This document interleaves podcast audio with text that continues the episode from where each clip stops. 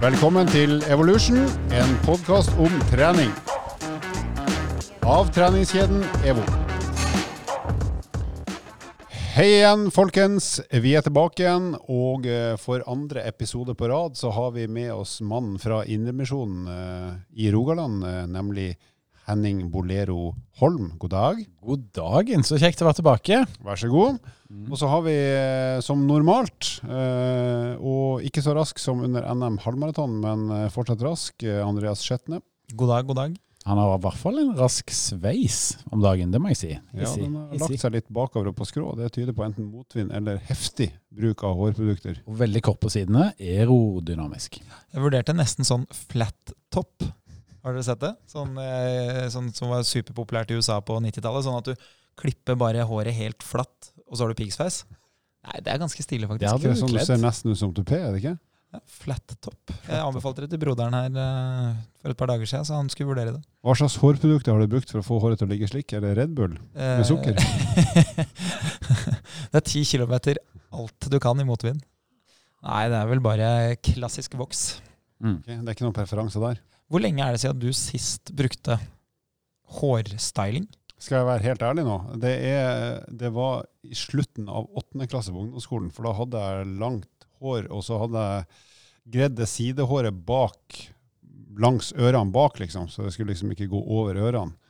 Og da brukte jeg en hårgelé som var ekstremt populær da, og det var Studio Line.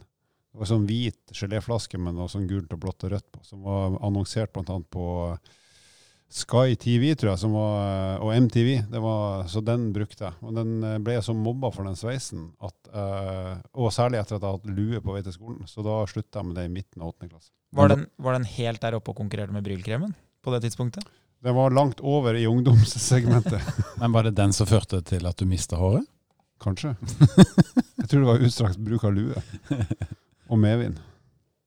Nei, jeg har jo et slektskap eh, Alle i slekta på alle mulige ender har ikke hår etter fylte 40 år.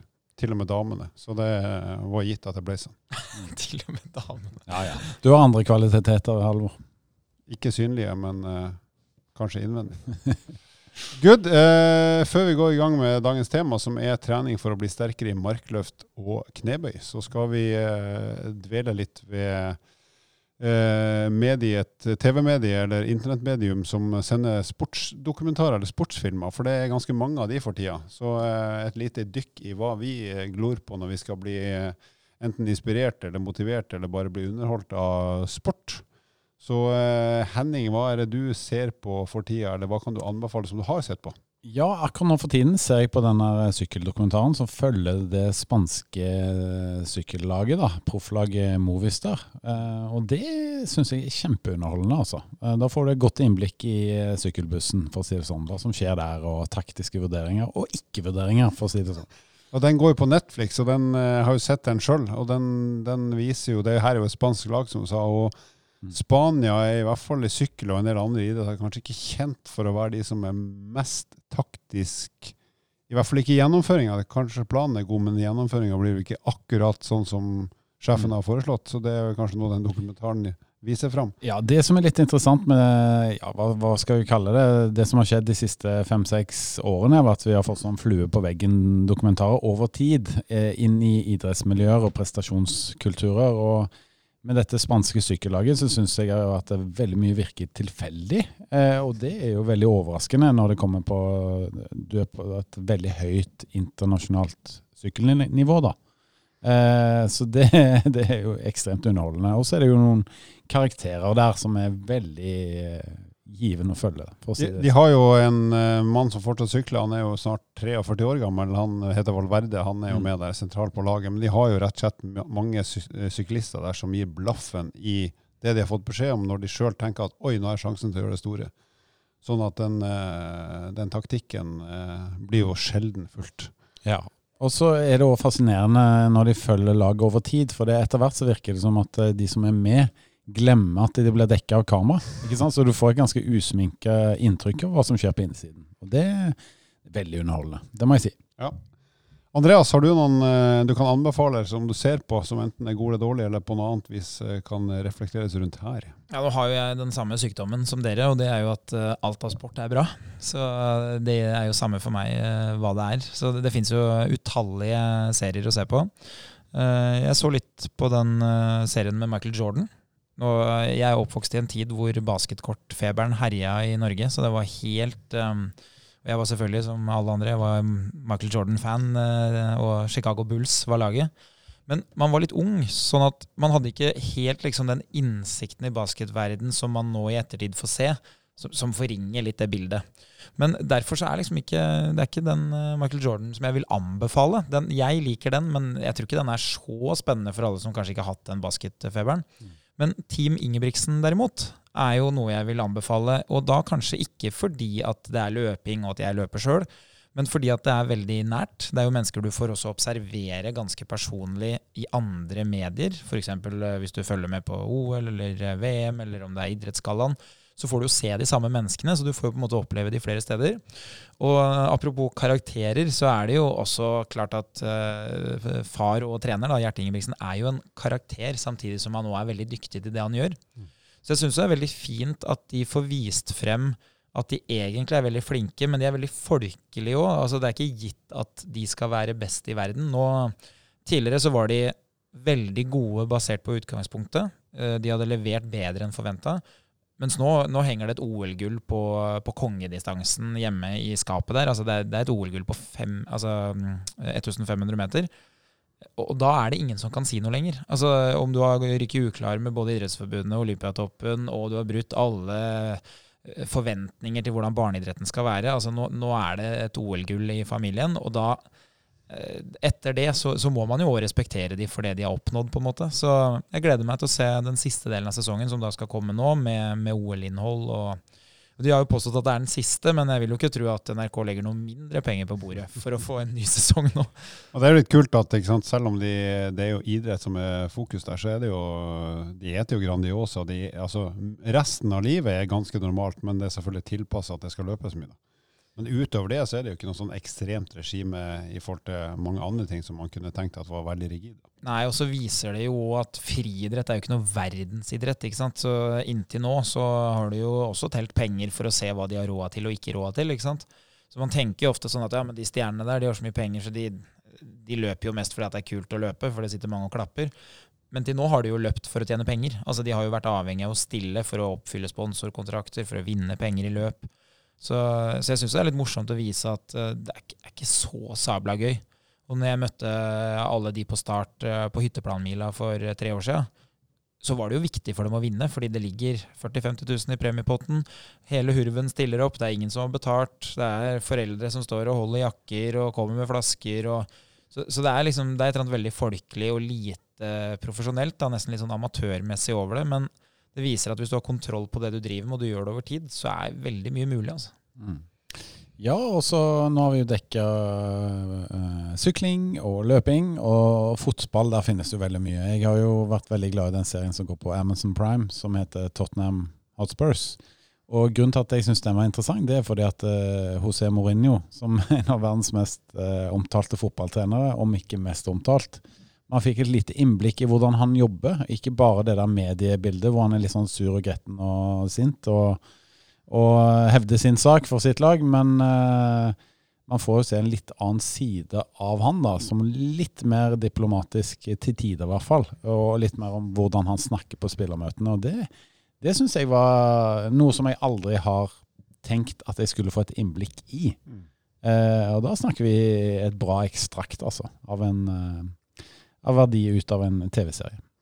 Apropos fotball, jeg har sett den eh, serien som heter Sunderland Till I Die, som handler om da fotballaget fra byen Sunderland, som er en grå industriby i England som tidligere var kjempegod, og som er på vei rase ned i, i seriesystemet. Der, der, ser du hvor viktig idretten kan være for en by. Altså for det er, det er det viktigste som skjer i byen. Det er hvordan det går med fotballaget, og hvordan det påvirker, dessverre, for deres del da negativt i livet til folk, både de som er i klubben og de som støtter klubben og ser på. Så, så den viser jo hvor viktig noe så tullete som sport kan være. da. Når man tross alt har nok mat og får sove nok, så er det ofte det som betyr aller aller mest for de som eh, bor der det skjer. Mm, det er bra tips, Halvor. Eh, Takk. Også I tillegg så har vi jo en som vi alle tre eh, kjenner delvis, i hvert fall personlig, og det er Olaf Tufte. Han har hatt en serie nå i det siste, og der òg syns jeg at vi får ganske usminka bilder av hva gutter tenker, og samarbeidet de imellom. Og de hadde jo en del trøbbel frem mot OL der, så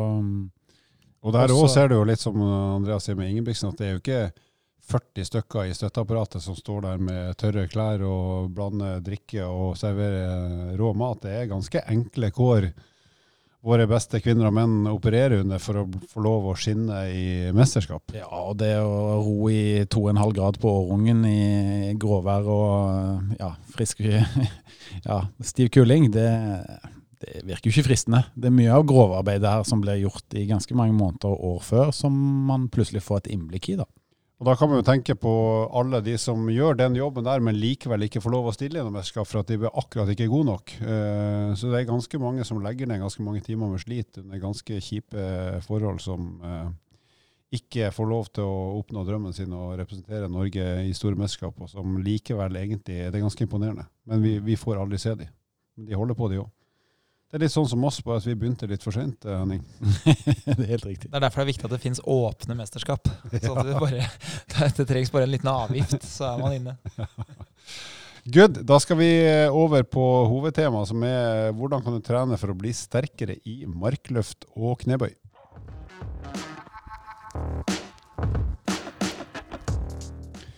Og Vi ønsker å ta for oss de her øvelsene, for det er jo øvelser som stadig flere bruker uansett eh, mål, egentlig. Du får jo styrka de store muskelgruppene eh, i rumpe eller eh, i setepartiet og eh, foran og bak på lårene. Så det er liksom eh, ja, det er de største musklene vi har, og der vi stort sett kan utvikle mest kraft. Så vi ser begge kjønn, eh, alle aldre, overalt eh, holder på med det og sånn her, fordi at det rett og slett er bra for så mye. Så eh, da kan det jo være interessant å finne ut hvordan kan man bli sterkere enn det man er i dag. For alle er jo i stand til å gjøre en eller annen form for markløft og knebøy.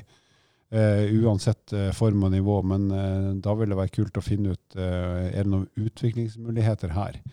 Så hvis du spør Henning, du er vel den sterkeste av oss akkurat nå, det var du vel i forgårs òg. Eh, hva tenker du kan være lure øvelser eller måter å trene på for å, hvis vi begynner med mark, da, øke prestasjonen din i markløft? Ja, eh, først og fremst så er det det kjedelige først, men som må med. Og det er jo at du må trene spesifikt. Så hvis du vil bli god i markløft, så må du trene markløft, ikke sant. Så det er ingen vei rundt det. Og jeg ville nok brukt ganske mye av tiden da eh, på markløft, eh, så at man tør å trene flere serier. Og med ulik eh, form for både mm, ja, reps og, og serier over tid. Jeg er jo fan av å gjerne bruke 50% eller mer av treningsøkten på den øvelsen du har lyst til å bli god i. Må- da kommer man gjerne opp på fem, seks, syv, åtte serier i den øvelsen, øh, og man bruker litt tid på det også. Um, og det treningsprinsippet det handler jo da om spesifisitet, at det du vil bli god i, det må du bruke tid på. Eh, det tror jeg at det er veldig mange som følger med her allerede vet, eh, og hvis du ikke vet det, så har du fått et nytt tips, og det er veldig bra. Men hva gjør du resten av tiden? Det syns jeg er litt interessant å snakke om. For det, der eh, er det sånn at der finnes det veldig mange fremgangsmåter og metoder man kan bruke. Og jeg skal absolutt ikke si at jeg har liksom kilden til sannheten, men eh, jeg har prøvd litt forskjellige metoder og vet litt om temaet. Og det jeg vil si, er at jeg vil gjerne prøve å definere to ting. Og det første, det er hvilke andre øvelser ligner på den øvelsen som markløft er. Eh, og hvilke av de skal jeg velge å bruke i treningen min. Og det andre er hvordan kan jeg styrke de muskelgruppene som brukes i en markløft i andre typer øvelser. Um, så først og fremst da så ville jeg nok lagt til en annen form for markløft i tillegg. At jeg bruker ikke stang kanskje, men at jeg bruker form for tunge kettlebells til å gjennomføre andre øvelser, eh, eh, øvelsen bare med en annen type belastning. Og, og for å bare skyte inn her, kettlebells er en fordel, også, for der har du ikke den stanga som skal rundt knærne. Der skal Yes. du, kan du ta det, rett og slett vekta mellom beina, Mm. hvis det går an å si. Ja, så det, det ville jeg gjerne gjort. Eh, det er et praktisk tips. Eh, I tillegg så bruker man jo veldig mye både forside, bakside og sete, og trener de da i alternative øvelser i tillegg.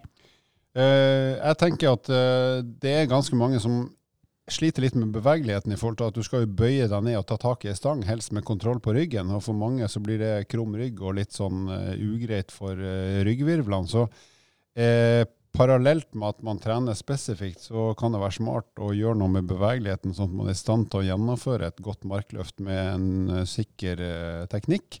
Så et banalt tips der i forhold til bevegelighetstrening som kan være avansert, men også enkelt, det er rett og slett å sette seg på huk og prøve å slappe av i huksitten. Altså sette deg med rumpa så langt ned mot gulvet som mulig, og, og prøve å slappe av i ankeledd, kneledd og hofteledd. Og hvis du kjenner at det her går ikke, du vipper, du tipper bakover, eller du kjenner at du må løfte hælene opp fra bakken for å få til det, så ta og hold i en hånda til en person, eller ta tak i ei stang eller et eller annet sånt, sånn at du kan holde deg fast så du ikke tipper forover bakover, og så rett og slett bare la deg synke ned. Og så vil nok det sannsynligvis for mange hjelpe med bevegeligheten litt over tid. Så jeg, til de som sliter litt med det, så pleier jeg å si at skal, de skal sitte sånn to minutter hver dag med vanlige klær, se på TV, hva som helst, men rett og slett bare legge inn litt sånn ankel-, kne- og hoftemobilitet, som er rett og slett bare sette seg ned og slappe av for å bli bedre i stand til å kunne komme seg ned til stanga uten å gjøre noe med ryggen som er ugreit. Ja, og sånn Erfaringsmessig så, så, er det i hvert fall sånn for en del menn at det er innsida av låret og baksida av låret som er begrensninga.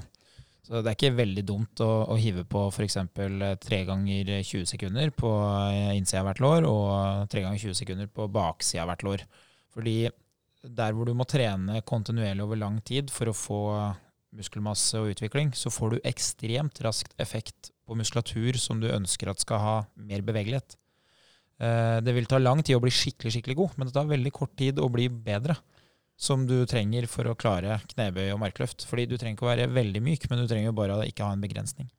Og Apropos det med markløft, så er det jo et par ulike måter å gjøre selve markløftet på. Eh, særlig da i forhold til det her med bevegelighet. Så Den vanlige måten å gjøre det på er rett og slett å stille seg med skulderbreddes avstand. og Så tar du tak i stanga med hendene på utsida av beina, eller leggene, og så drar du opp med helst rett rygg. Men den andre varianten som mange som sliter litt med bevegeligheten kan velge, det er jo å være veldig breibeint, uh, og så tar du eh, armene mellom beina istedenfor på utsida, sånn at du egentlig bare lar armene henge rett ned, mens eh, beina dine står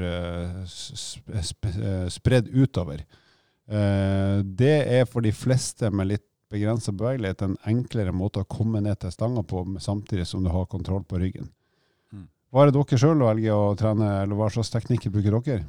Uh, nei, stort sett vanlig eh, klassisk markløft. Uh, det skyldes jo i, i, stor grad at jeg òg har kjørt knebøy. Mm. Som gjør at det, det, på en måte er en fin splitt. Mens hvis jeg nå skulle ha begynt å kjørt, og ikke ha tida til begge deler, så tror jeg jeg ville gått for en sånn type hybrid som da gjerne kalles for sumo-markløft, eller mm. bred markløft. For da, da, får du et større innslag av eh, lårmuskulaturen og setemuskulaturen. Ja, og så har du jo strak markløft i tillegg. Eh, det er vel ikke en øvelse oss tre her kan skryte av eh, store prestasjoner, men eh, noen er jo gode i den, og gjerne de som har eh, ja, litt høyere bevegelighet enn oss tre, da for å si det sånn. Da, for den er jo veldig krevende for bakside lår. Eh, og en strak markløft kjennetegnes jo da at kneleddet står ganske stille. Du har ikke noe særlig bøy i, i kneet. da. Jeg er ganske, overraskende ganske god i strak markløft. Jeg er ikke god i det, men i forhold til alt annet så er det ikke så verst. Selv om jeg er dårlig. Ja, I mitt hode så er du fortsatt i vår kategori for det. Ok, Så da burde jeg trekker det tilbake igjen. Du er best av de dårlige. jeg trekker det tilbake igjen. Eh, men andre ting, da. Vi snakka litt om bevegelighet og teknikk. Eh, så har vi snakka om alternative øvelser. En øvelse som jeg også tenker kan være bra, det er en rygghevvariant. Der du enten ligger på en rygghevbenk, altså du kan tenke deg en benk der du knekker i hofteleddet, og så drar du rett og slett eh, overkroppen opp. Da bruker du jo setemuskulaturen og litt korsrygg, som er egentlig veldig lik den bevegelsen du gjør med markløft med stang. Men det kan være en veldig soft måte å begynne å trene de, aktivere de musklene du skal bruke også i markløften. Eller du kan gjøre samme øvelse på det som kalles en GHD-benk, som er mer en, en benk som ligger helt flatt. Så da får du rett og slett en lengre arbeidsvei for å dra opp overkroppen din ved hjelp av, av rumpe og korsrygg. Ja, og så har vi jo ettbeins eh, type markløft, eh, hvor du da kan svinge ut med strak bein, gjerne holde noen kettlebells. Så får du fokus på ett bein, samtidig som stabiliteten er veldig, veldig krevende. Den overordna strukturen her da, på, på en, en, måte man kan bygge en økt på, er jo gjerne at du er nødt til å gjøre hovedøvelsen for å bli bedre. Og så kommer vi jo med mange forslag til støtteøvelser eller alternative øvelser for å bryte opp bevegelsen. Det er det som kjennetegner både knebøy og markløft. Det er jo det er en veldig sammensatt øvelse. Det er veldig mange ledd som skal være med i bevegelsen. Så det er viktig at den er tung nok, og at du har god kontroll på at det blir tyngre hver gang. Men så er det ikke lett å skape nok belastning i seg selv, og siden det er så mange ledd, så vil det alltid være noen sånne svake deler i den kjeden. Og det kan man gjøre opp ved å da trene spesifikke øvelser. Uh, og en type spesifikk øvelse, hvis man da tar for seg markløft, da, så vil det være sånn at en del klarer ikke å holde i stanga, og da må man trene grepet. Det er ikke noe vits å trene lårmuskler og ryggstyrke hvis det er grepet som gjør at du ikke klarer å holde stanga. Mens for mange så vil det kanskje være at man er sterk nok i låra fordi kneet ikke bøyes så mye i markløft. Men det kan være ryggen som er svakest. Og da vil jo en sånn type øvelse som Halvor foreslår, hvor du da gjør en rygghev, kunne øke belastninga på ryggen, som på sikt gjør at du er sterkere i ryggen, og kan da kanskje løfte tyngre inntil det er et annet eller det samme problemet oppstår igjen. Hvordan kan man sjøl finne ut hvor er mitt svake ledd i en sånn knebøy- eller markløftbevegelse? Eh, det letteste er jo å bryte øvelsen ned til eh, å se på hvilke muskler er det som gjør hva. Altså hvilke ledd er det som er med. Og i en type markløft så er det jo ikke sant, da, i første gang så er det jo eh, ankeleddet, men det jobber jo veldig lite, så det er veldig sjelden et problem. Jeg har fortsatt til gode å se at folk sliter med legga sine i, i markløft. Så derfor så vil det bli type kneledd, og da er det jo lårmuskelen. Mm. Veldig sjelden et problem. De aller fleste er sterke nok i låret til å gjøre den halve knebøyen som man egentlig gjør. Ja, da snakker vi forsida av låret primært. Ja. ja. Og så kommer hofteleddet, og da begynner det å bli trøbbel. ikke sant? For da har du både baksida av låret, men også ryggen. Så da begynner det å bli sånn, ok, hva, hva er det som er problemet her? Er det å rette ut hofteleddet? Men for de fleste så er det faktisk da litt høyere. Det er korsryggen som ikke er sterk nok til å holde imot den motstanden som du skal løfte med lår og rumpe. Og da er det jo sånn at ok, men da kjenner jeg det godt i ryggen, og det er det som òg uh, syns for den som står og ser på meg, at jeg ikke klarer å ha kontroll på. Jeg siger litt framover, så jeg går fra å være rett til å bli en, eh, se litt ut som en fiskestang som har fått på fisk. Ja, da er, det, da er, det, det jeg må trene på. En stor fisk. En stor fisk. 100 kilos fisk. En hai. ja. I forhold til den uh, siste fasen der med hofta, og liksom få frem hofta, der har jeg gode erfaringer med å si til kundene mine at uh, ikke glem den delen av bevegelsen hvor hofta faktisk skal gå fremover. Fordi de fleste tenker at den stangen skal bare opp, og så glemmer man å bruke hofta. da. Så skyv hofta godt fremover. Da vil du få god hjelp eh, fra eh, tilleggsmuskulatur, da, for å kalle det det. Ja, og Det som kan være litt vanskelig i de øvelsene, her, er veldig ofte at man raskt kan ha høy nok belastning til at det man gjør, er det tyngste man gjør i løpet av en uke. Så ganske fort så vil det være sånn at de fleste kan løfte både 30-40-50 kilo i markløft. Og da gjør du ingenting ellers i uka som er i nærheten. Og det betyr at det blir veldig vanskelig for hodet å egentlig reflektere rundt liksom, Oi, er det i skulderleddet eller er det i kneleddet jeg kjenner det? For man er så opptatt av å få til oppgaven. Så Derfor så kan det være smart for en del å trene da med en del lettere vekt, kanskje før eller etter de tyngste seriene, for å kjenne på bevegelsen, men også for å innlære seg det. For en utfordring hos de som da begynner å trene, eller som ikke er så sterke, det er at de får veldig få løft, eller da den bevegelsen, gjennom den treninga de gjør. Mens hvis du er veldig veldig sterk, så kan det hende at du varmer opp med både tre og fire serier, som gjør at egentlig i løpet av en økt så gjør jeg dobbelt så mange ganger den bevegelsen som en som er dårlig trent. Så Derfor så er det smart å gjenta bevegelsen, bli kjent med den, så at du kan ha litt overskudd til å kjenne hvor er det det er tungt. Og nå er vi inne på det her da med sant, å, å, løfte smart og samtidig utvikle støttemuskulatur. Så det å, å, å være sterk nok i mage-rygg, som spesielt rygg, da, som Andrea sa, det, det, kommer du ikke unna. så Det er ofte der det stopper. Men en måte å begrense belastninga i ryggen på, det er jo at du drar den stanga så tett som mulig inntil leggene og over kneet. For det er jo der den belastninga på ryggen blir størst.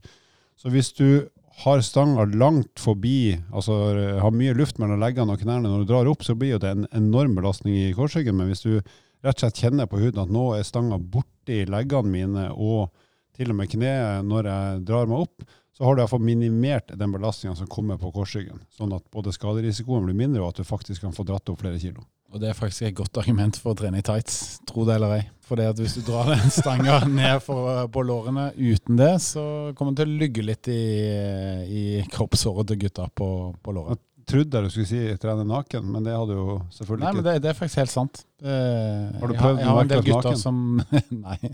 Tights og Wales. Jeg har en del, en del av de gutta jeg har trent, som kommer og trener i shorts, og det drar den stanga eh, ned langs eh, lår og legger, det lugger litt, for å si det sånn.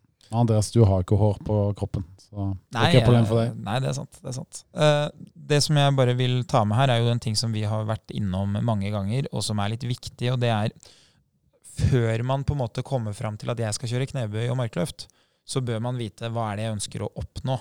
Uh, og en ting som er litt sånn spesielt, er at uh, mange som trener, vil jo oppnå kanskje litt mer muskler i lår, litt mer muskler i, i rygg, rumpe.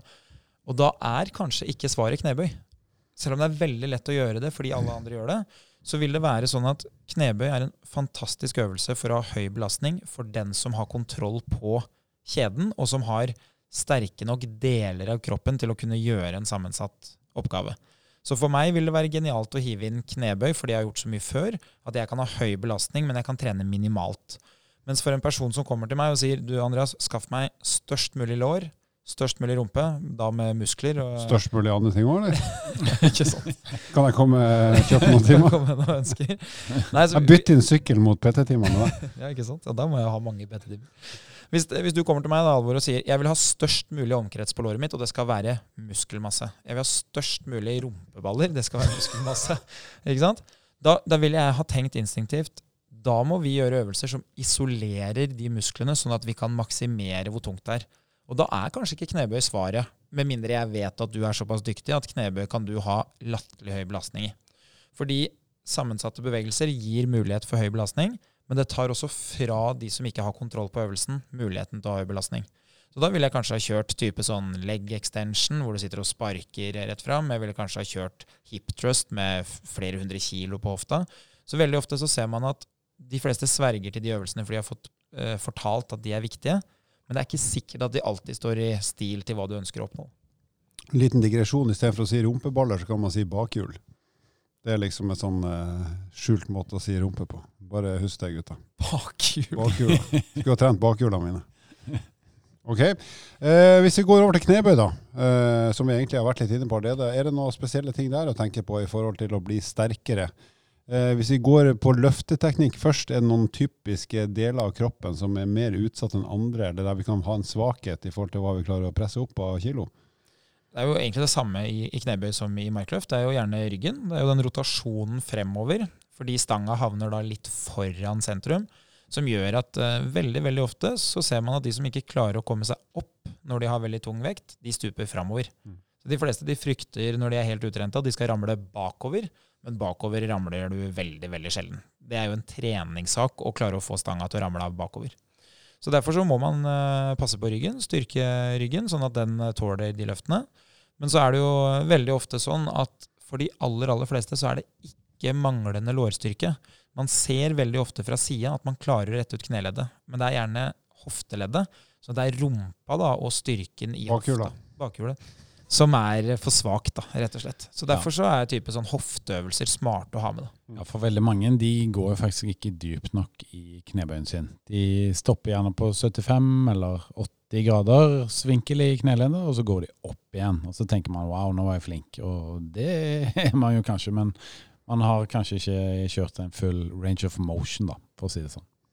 Så der òg, hvis du har litt eh, brist i bevegeligheten, altså det er rett og slett hvor dypt klarer du å sette deg med kontrollert rygg, så istedenfor å lasse på masse vekter, så kan det hende at det kan være lurt å gjøre andre øvelser, men samtidig parallelt jobbe med bevegeligheten. Og da gjelder egentlig samme tipsa der som i markløft. Det er jo ankelleddet, kneleddet hofteleddet som primært er der du må ha bevegeligheten for å kunne Mm. sette deg dypt og ha kontroll på ryggen. Og når bevegeligheten kommer sakte, men sikkert, så må du da styrke mage og rygg, sånn at du er i stand til å tåle de kiloene som den stanga presser deg ned med.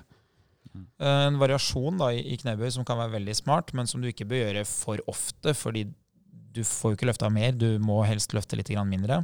Det er jo at du legger til at kanskje når du er nederst i knebøyen, altså når du da sitter i hockey, så stopper du i ett sekund.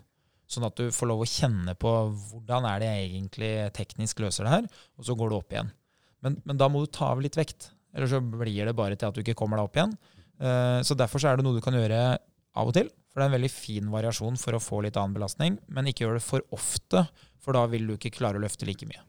Og når du gjør den øvelsen der, altså det du sier nå, setter deg ned litt, og ikke har på fryktelig tung belastning, så kan du også eksperimentere litt med hvor er det mest hensiktsmessig for meg å ha plassert stanga. Er det helt høyt opp i nakken, eller er det litt lenger ned på ryggen? Det er selvfølgelig avhengig av bevegeligheten i skulder og arm, men hvis du har muligheten til å leke litt med stangplassering, så gjør gjerne det før du Sånn at du finner ut at på den stanga akkurat på det punktet her, da har jeg mest kontroll i bånn og gjennom hele løftet, og før du liksom begynner å skal løfte tyngre og tyngre. og tyngre, For da er du sikker på at eh, da har du tilpassa stangplasseringa i forhold til din kropp og din eh, biomekanikk. Ja, eh, og så har du i forhold til de som er ja, kanskje helt ferske, som ikke har trent noe særlig før, så vil jeg jo si at det, bare det å sette seg ned på en stol og reise seg opp igjen, altså den enkleste formen for knebøy, det kan være en start. og Eh, jeg eh, hjalp ei dame her for faktisk ikke så lenge siden som aldri har trent før. Og hun var ganske redd for å sette i gang med trening, så jeg lagde noen hjemmeøvelser for henne. da, og en av de øvelsene var at du skulle sette seg ned i en ganske lav stol, og så opp igjen, og det skulle gjøre ti ganger tre. Så fikk jeg en melding eh, to uker etterpå. 'Nå har jeg gjort det hver dag'. Nå føler jeg meg mye sterkere. Hva er neste øvelse? Og det er liksom, Du kan starte der, da. Så, det er jo sånn du òg trener, Andreas Knebøy, med din nåværende styrke. Ja, det, det jeg syns jo det her egentlig er veldig fint. Fordi de aller fleste er på det nivået at det er sånn starten burde vært. Ja. For da kommer de seg òg videre, og de får litt eh, selvtillit av det. Uh, men en ting til som jeg veldig ofte får spørsmål om, da, når vi først snakker om det, når du sier sant, stanghøyde på ryggen. En annen ting er hvor bredt skal jeg stå? Og Det er jo i seg selv et ganske stort tema, men, men, det man kan si da, hvis man skal gjøre det enkelt, er at hvis du ville stått smalt, hvis du står helt inntil hverandre med beina, så vil det bli veldig mye jobb foran på knærne og foran på låra. Mens hvis du står breiere, så setter du rumpa i en ganske mye bedre posisjon. Du får litt mer hjelp fra setemuskelen, som gjør at det ofte blir lettere å få det til. Så det å stå litt breiere, det er nok ganske smart. Kanskje skulderbredde, kanskje bitte litt mer. Men det som begrenser det at du kan stå kjempebreit, er jo igjen det vi snakka om helt i starten, at du ikke er myk nok på innsida av låra. Så du må ikke stå breiere enn at knærne dine og beina på bakken, altså foten din, har samme bredde. Så leggen din den skal alltid stå vertikalt, mens bevegelsen skal tas ut i hofteleddet. Så når du står der, når du tenker ok, hvor bredt kan jeg stå, se i speilet, sørg for at det er like stor avstand mellom knærne dine som det er mellom beina på bakken. Og da har vi den gamle regelen om knær over tær generelt. ikke sant? At når du løfter, enten det er mark eller bøye eller andre ting, så skal kneet ditt eh, peke eller være rett over tærne dine, ikke på innsida. I hvert fall ikke på innsida, og heller ikke for mye på utsida. Nei, og det, det, er ikke noe farlig at kneet ditt peker frem, som ofte er en sånn ting man har frykta. Såkalte spisse knær. spisse knær. Det er null problem. Men det er mye viktigere at man har kne over, over tæra sine, fordi kneleddet det bøyes fram og tilbake, og ikke til sida. Ja. Så det er derfor det er kjekt å ha det sånn. Good. Da håper jeg folket har blitt litt opplyst eh, og fått noen tips som kan føre dere videre både i markløft og knebøy. Jeg er jo nå en ivrig knebøyer siden jeg driver og sykler, så jeg skal faktisk prøve å eksperimentere litt med stanghøyden sjøl, for der har jeg vært litt sløv de siste årene. Du skal bruke ditt eget tips, med andre ord? Ja, faktisk. For en gangs skyld skal jeg høre, høre på en eh, såkalt ekspert.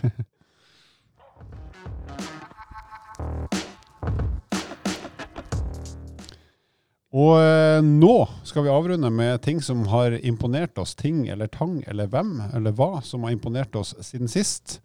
Og da er ordet som alltid fritt rundt bordet, men jeg peker da på pastoren fra Rogaland. Indremisjonens store sønn. Nei, det er ikke Jesus, det er Henning Holm.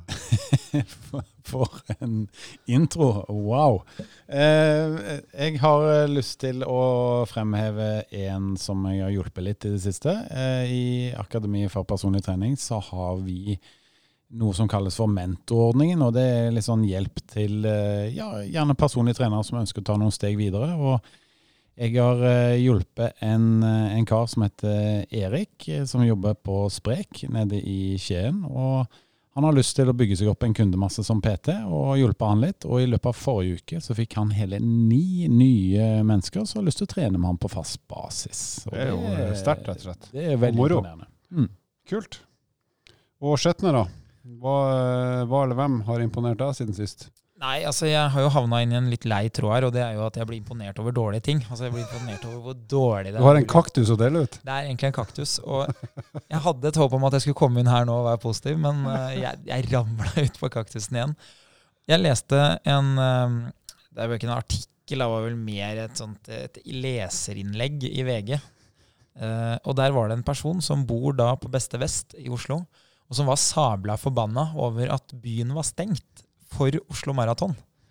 Og vet du hva, jeg, jeg, vet ikke hvor jeg skal begynne. Det jo et grovt inngrep i hans liv, sikkert. Ja, og det var det de klagde over, da, at byen var stengt. Ikke sant? At det må jo gå an å løpe i skogen. Og vet du hva, jeg Det som irriterer meg, er ikke at byen er stengt for løping, fordi jeg, jeg, skal ikke ha på meg at fordi at jeg liker å løpe, så mener jeg det er greit. For, for, det skjønner jeg at det er fryktelig mange mennesker som ikke gjør. Men jeg tenker mer på hva, hva, liksom, hva, hva skal byen brukes til, da? Det er akkurat som at det fins et overordna mål her som de som har løpt, ikke forstår. da, At ja, men resten av fellesskapet mener at byen skal brukes til det her. Jeg tenker jo at der hvor folk bor, der er jo på en måte byen tilrettelagt for det de ønsker å gjøre. Så jeg klager heller ikke når det er ACDC-konsert på Valle Hovin, og jeg er på konsert selv om jeg egentlig ligger i senga og skal sove. Så det, så det, irriterer meg at man klarer å irritere seg over det. Så jeg, jeg blir faktisk litt sånn Ja, jeg, jeg, blir imponert over hvor mye sutring det er mulig å skape uten at det egentlig kommer til å føre til noen verdens ting. Ja, da kan du, Hvis det er terskelen for å bli ordentlig forbanna, så kan man lure på hva, hva tenker vedkommende når det virkelig er grunn til å bli irritert. Ja, og så er det jo morsomt, da, for jeg, jeg leser jo veldig sjelden kommentarene, men akkurat her tok jeg meg tida til å se litt på de. Og da var det jo noen som pent påpekte at uh, må huske at Oslo Maraton har 40-årsjubileum. Jeg vet ikke hvor lenge du har eid den leiligheten på Oslo vest, men det er ikke noe hemmelighet at det løpes forbi der uh, minimum én gang per år. Så det er liksom sånn Ja, jeg, jeg gir opp. Altså Folk får ikke gjort noen verdens ting hvis alle som er uenig, skulle sagt sin mening.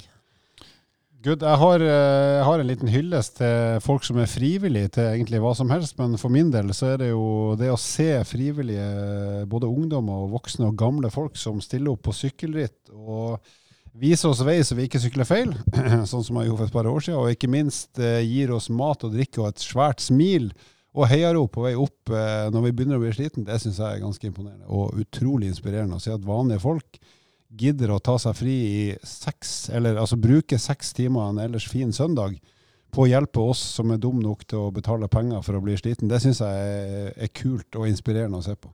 Mm. Så en uh, stor kudos til folk som bruker fritida si til å la andre få lov å utfolde seg. Ja, og det eksisterer ganske mye av dette, Halvor. Vi har jo barn begge to. Andreas har fått det. Vi har barn sammen, Henning. Ja, ja. Vi har barn sammen. Ikke sant? Eh, og det, dette oppstår jo i barneidretten hver eneste ettermiddag. Så det er mange å gi kudos til. Tror dere han Andreas blir en fremtidig eh, barneidrettstrener for, for, sin egen gnager? Ja, definitivt. Når det går fra å være en liggende arbeidsoppgave til en løpende arbeidsoppgave? For sin egen del så blir den det. ja, gjør det. Det blir mange idretter. Har du noe håp om hva slags sport ditt ene barn, og kanskje flere etter hvert, skal drive med? Akkurat nå, eh, basert på hvordan du ligger an vektmessig sammenlignet med andre babyer, så blir det kule. Sumo? Sumobryting? Ja, vi, akkurat nå har vi skjønt ja. hvordan næringsinntaket funker. Så nei, jeg vet da faen. Vet du hva, for min del så kan man gjøre akkurat hva man vil. Og det, det er jo det jeg prøver å fortelle til både PT-kunder og de rundt meg, og at det at jeg liker å løpe meg i hjel, trenger ikke å bety at jeg ønsker at alle andre skal gjøre det. Og sånn er jeg egentlig i forhold til barn òg. Jeg, jeg, tror det kan være viktig at man driver kanskje både med noe som er litt kjipt, sånn at man lærer seg at livet ikke bare er bra hele tida. Men så tror jeg òg veldig på å drive med en eller annen form for lagidrett. Fordi eh, du lærer et eller annet i det lagmiljøet som man kanskje ikke får med seg hvis man ikke gjør det. Og jeg er heller ikke fremmed for at barn kan drive med en hel haug med idretter. Eh, det er jo som regel foreldrene som ønsker at de skal bli skikkelig gode, og så satser man på at en eller annen gang i løpet av livet så vil de ungene skjønne sjøl at det var smart. Men jeg tror nok det ryker med ganske mange barn i den kverna hvor foreldrene ville det mer enn barna, og så blei det ingenting. Så eh, til dere som driver rovdrift av deres egne barn, så er jeg motvekta. Ja, du ser på oss nå? Ja, ok, takk for den. Det som jeg har lyst til å si der, er at det, det som er fint, er jo at eh, når man, når man eh, skal la barnet sitt velge idrett, at eh, hvis du har lyst til å bidra en del, så er det greit at de velger en idrett som du kan bidra med. da. Det fant Så- jeg ut når jeg ble langrennstrener, at det her kan jeg jo ikke. Ikke sant? Så det ble vel ikke dansing for din, eh, din del, Andreas? Det blir ikke dansing. Og så av sånn generell eh, greie så blir det heller ikke hest, for det har jeg ikke råd til. Ja, og det hadde jo jeg en datter som trodde hun skulle bli interessert i. Og det ble avvikla en veldig kald februardag. Det var da det ble katt isteden. Ja, det var så kaldt at hun aldri ville på den hesteryggen igjen. Hun måtte være ute i 24 minus. Jeg tror det blir, For dattera di nå, så tror jeg det blir komboen kulestøt og piano. Så litt kultur og litt sånn rå kraft. Nei, men fotball er en veldig fin idrett. Eh, Der lærer man seg veldig mange fine ting man kan ta med seg videre i livet. og jeg må jo si at det er ikke alltid jeg gleder meg til å stå der som fotballtrener. Jeg er jo trener for to av barna mine. Men jeg får jo veldig mye tid da med barna, og så blir jeg kjent med hele lokalmiljøet deres. eh, Og så må de lære seg å oppføre seg blant andre folk. Så så får du jo gratis sånn blotterjakke når du er trener, gjør du ikke? Sånn lang, eh, lang jakke, mørk jakke med Abelsø IL på. yes, og Umbro, selvfølgelig. Så klart. Og med disse håpløse ord takker vi for oss. Vil du vite mer om trening? Abonner på podkasten og sjekk ut vårt treningsmagasin på evo.no.